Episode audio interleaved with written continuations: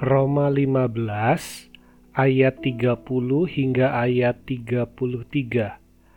Tetapi demi Kristus Tuhan kita dan demi kasih roh, aku menasehatkan kamu, saudara-saudara, untuk bergumul bersama-sama dengan aku dalam doa kepada Allah untuk aku, supaya aku terpelihara dari orang-orang yang tidak taat di Yudea, dan supaya pelayananku untuk Yerusalem disambut dengan baik oleh orang-orang kudus di sana, agar aku yang dengan sukacita datang kepadamu oleh kehendak Allah, beroleh kesegaran bersama-sama dengan kamu.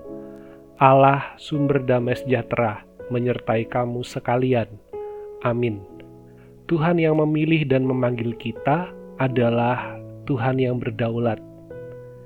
Ia adalah Allah yang berkuasa di dalam segala sesuatu. Pimpinan Tuhan bisa saja membawa kita pada hal-hal yang tidak kita harapkan, bahkan yang tidak pernah kita bayangkan sekalipun. Tuhan memanggil Paulus untuk memberitakan Injil kepada orang-orang non-Yahudi. Ternyata panggilan Tuhan ini membawa Paulus masuk ke dalam situasi-situasi yang jauh berbeda dari apa yang mungkin ia pernah bayangkan. Paulus dalam tanda kutip menjadi musuh dari bangsanya sendiri. Orang-orang Yahudilah yang memberi banyak tekanan pada Paulus. Sebagian besar orang Yahudi membenci Paulus Bahkan mereka ingin membunuh Paulus. Sampai-sampai Paulus harus mengambil jalan hukum menjadi tahanan kaisar karena orang-orang Yahudi ingin membunuhnya.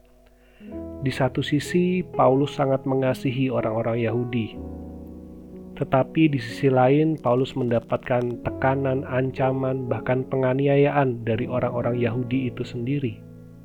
Tetapi kita melihat bahwa kasih Kristus dan panggilan hidupnya menjadi kekuatan bagi Paulus untuk menjalani pelayanannya.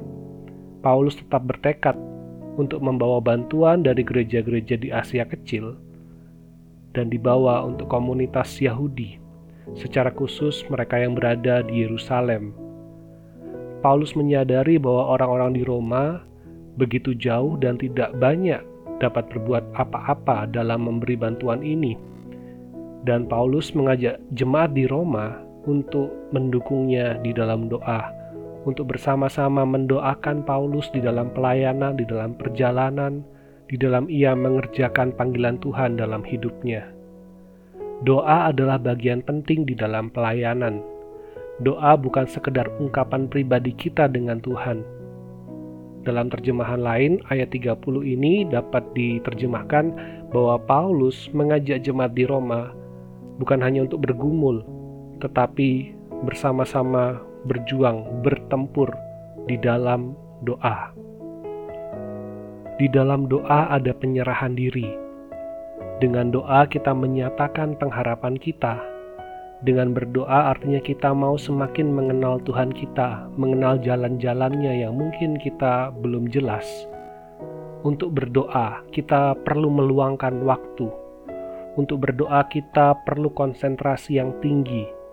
Di dalam berdoa, kita memberi perhatian kita kepada Tuhan, dan kita juga memberi perhatian kita kepada sesama. Berdoa memang tampaknya sederhana, tetapi berdoa adalah hal penting dalam kehidupan kita. Berdoa harus menjadi bagian di dalam kehidupan kita, sebab di sinilah kita mulai perjuangan hidup kita. Seorang bijak berkata, untuk mencapai jarak seribu kilometer diperlukan satu langkah pertama. Dan langkah pertama yang penting adalah doa. Ada banyak hal yang kita pikirkan, ada banyak hal yang kita inginkan, ada banyak hal yang menjadi pergumulan kita.